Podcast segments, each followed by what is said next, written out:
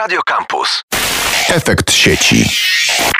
Witam w kolejnym odcinku Efektu Sieci, audycji, w której rozmawiam ze znakomitymi gośćmi o różnych obliczach transformacji cyfrowej, która w Polsce i na świecie w ostatnich tygodniach gwałtownie przyspieszyła.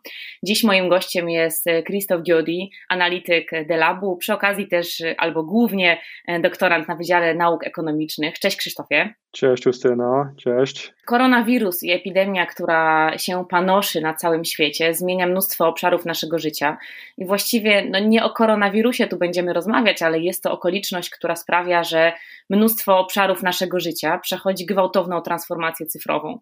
Od naszych relacji, od naszych e, kwestii zawodowych, od edukacji, aż po podróże. Można powiedzieć nieoczywisty element, ale jednak w dobie ograniczeń i e, koncepcji dystansu społecznego, no zupełnie zamknęły się właściwie e, rynki turystyczne. Wiele krajów wprowadziło obostrzenia albo całkowicie zakazało wynajmu krótkoterminowego. Tutaj oczywiście poza szczególnym przypadkiem wynajmu wynajmu mieszkań dla lekarzy, którzy nie chcą wracać do domów po kontakcie z chorymi, ale taki rynek turystyczny dla każdego zjadacza chleba właściwie całkowicie się zamknął.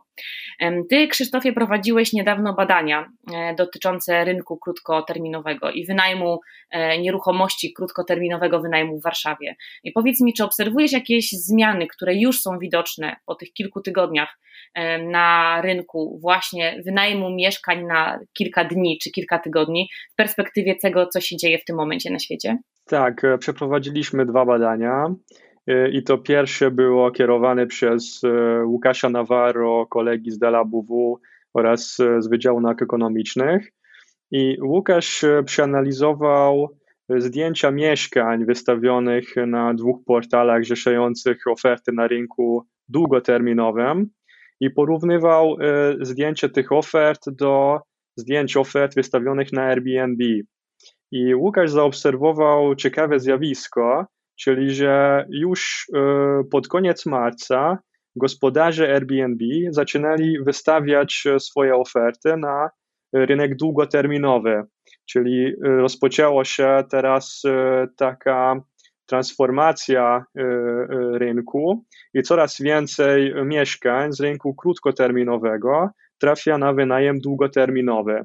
E, mhm. Łukasz znalazł e, około 460 mieszkań jeszcze w marcu, które wcześniej były na Airbnb, a teraz są wystawione na, e, na wynajem długoterminowy. I powtarzał jeszcze raz to badanie w, w ten weekend i znalazł kolejne 110 takich mieszkań. Czyli możemy zaobserwować taki, taki trend, że gospodarze Airbnb już patrzą na inne możliwości wykorzystywania tych, e, tych mieszkań. I właśnie e, jest szansa, że, że duża część tych mieszkań trafia z powrotem na, na rynek długoterminowy, na wynajem dla lokalnych mieszkańców. Drugie badanie, co przeprowadziliśmy, skupiał się na ceny ofert, czyli porównywaliśmy oferty za pobyt w weekend w kwietniu w bieżącym roku do cen pobytu w kwietniu rok wcześniej, 2019 roku. I w tej analizie okazało się, że gospodarze, którzy nie wycofali swoje oferty, tylko nadal są udostępnione, obniżali swoje ceny, to ta obniżka cen w marcu wynosił około 8%. Największe spadki były na Śródmieściu oraz na Woli. I natomiast też były takie dzielnice, gdzie ta obniżka cen nie, nie występował, albo nawet te ceny nie, są wzrosły, na przykład e, na Włochach. Więc, e, więc widzimy, że są różne strategie. Część gospodarzy walczy o resztki tego rynku, na przykład szuka klientów, którzy podróżują w celach biznesowych albo potrzebują jakieś miejsca na kwarantannę, a część gospodarzy już patrzy na na ten y, wynajem długoterminowy. Wspomniałeś o kilku dzielnicach warszawskich, o, o Woli, o Śródmieściu i o Włochach. A gdybyś mógł opowiedzieć kilka słów o tym, jak wygląda rynek krótkoterminowego wynajmu, czy to na Airbnb, czy na Nine Flats, na innych platformach, czy są jakieś szczególne obszary, gdzie skupiają się te oferty, czy to jest tak, że chętniej wynajmujemy mieszkania w Śródmieściu siłą rzeczy, bo są e, blisko pewnie atrakcje turystyczne, ale jakbyś mógł opowiedzieć też o tym, jak wygląda ta różnorodność ofert w Warszawie, Warszawie i czym charakteryzuje się być może rynek warszawski na tle innych rynków, które też badałeś i którym się przyglądałeś? W Warszawie rynek Airbnb jest przede wszystkim dosyć duży. Jeżeli uwzględnimy rozmiar rynku turystycznego, to on plasuje się na poziomie takiej europejskiej średniej i charakteryzował się z e, bardzo szybkim wzrostem przed pandemią, czyli e, na przykład między 2015 a 2018 roku liczba ofert się potroił. Przed pandemią było to około 6,5 tysiąca aktywnych ofert. My przeprowadziliśmy na zlecenie warszawskiego ratusza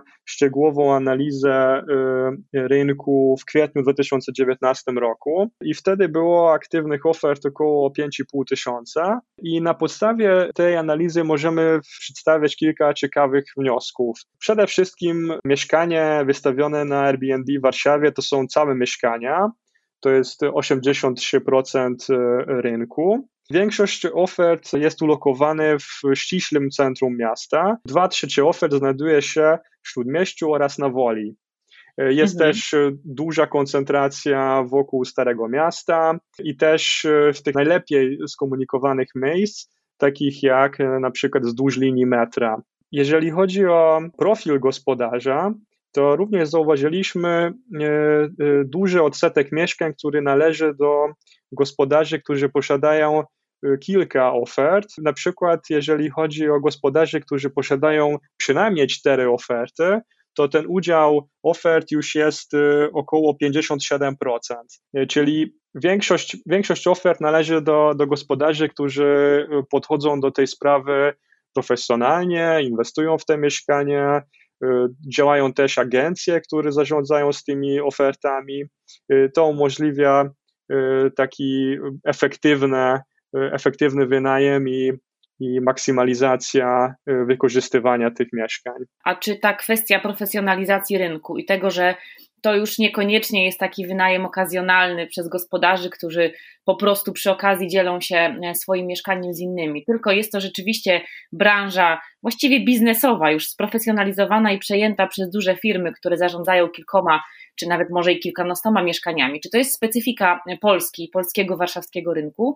Czy podobny proces dzieje się też na innych europejskich i zagranicznych rynkach? Czy badaliście to, przyglądaliście się też temu? Wiesz może, jak to wygląda w innych krajach? Tak, to nie jest e, specyfika ścisła polska albo warszawska, e, tylko większość miast e, dochodzi do, do tego typu zjawisk.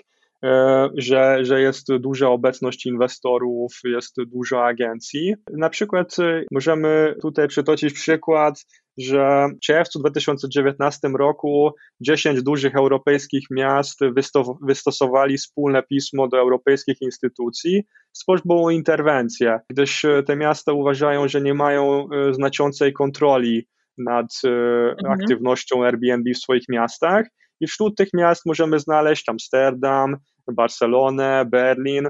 Wśród polskich miast obecny jest y, Kraków. I jak y, przeprowadziliśmy badania y, dotyczące konkurencji z hotelami odnośnie podaży Airbnb w różnych, w różnych miastach, to również zaobserwowaliśmy, że profesjonalizacja zachodzi wszędzie, że wszędzie jest to znaczący udział w rynku w przypadku Warszawy to jest y, nieco wyższy niż w innych miastach, czyli jest y, więcej sprofesjonalizowanych gospodarzy, jest więcej inwestorów, natomiast to jest, y, to jest problem albo zjawisko, zależy na jak na to patrzymy, w większości analizowanych miast. Możemy też przytoczyć przykład ciekawego artykułu, który się okazał niedawno w brytyjskim wydaniu Wired, gdzie przedstawiają analizę Airbnb w Londynie i znaleźli zjawiska takiego, takiej sieci, który posiadał kilkaset mieszkań z bardzo niejasnymi powiąza- powiązywaniami.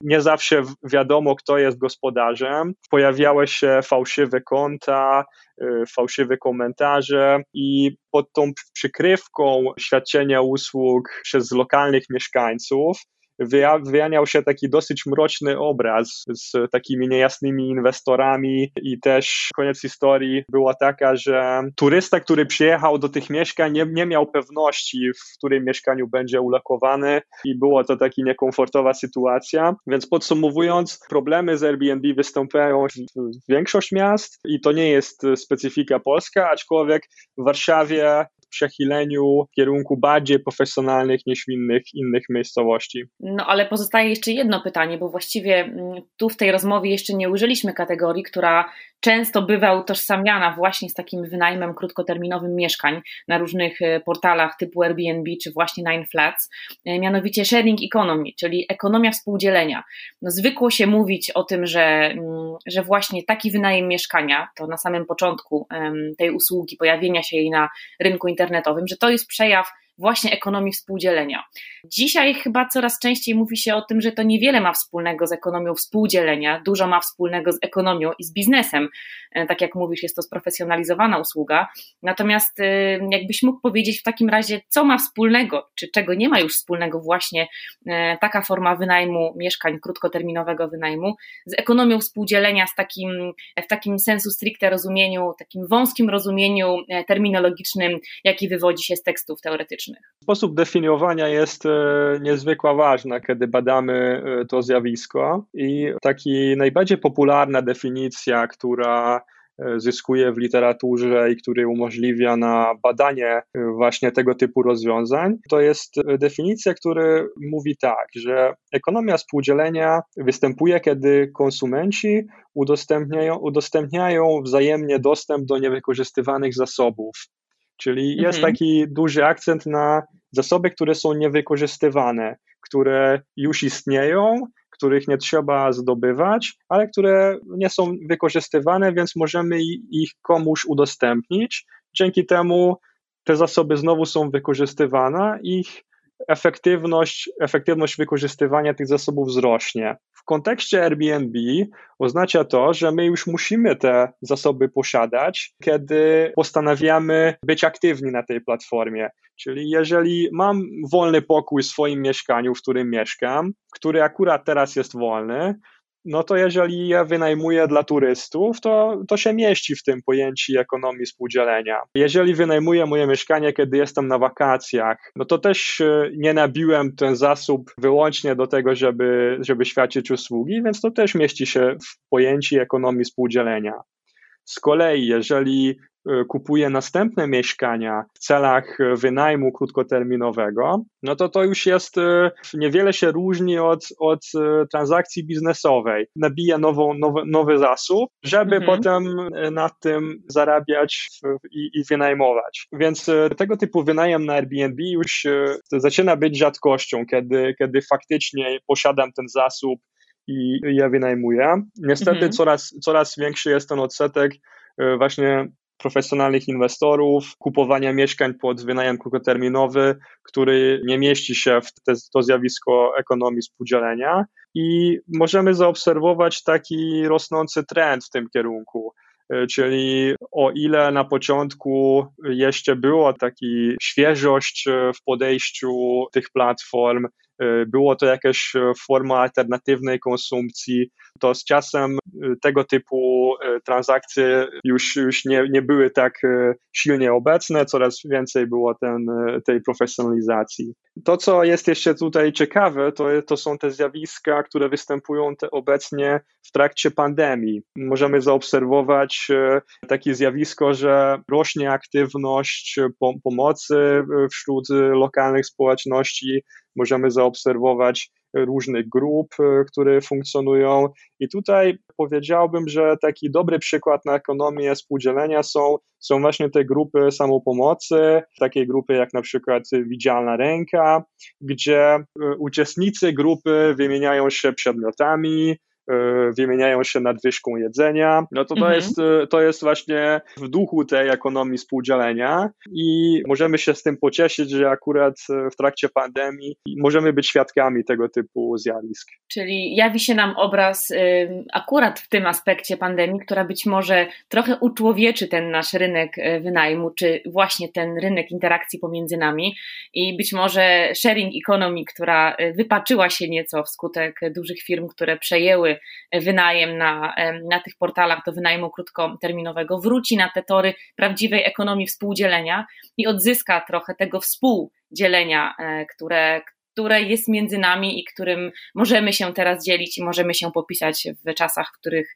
wszyscy potrzebujemy pomocy.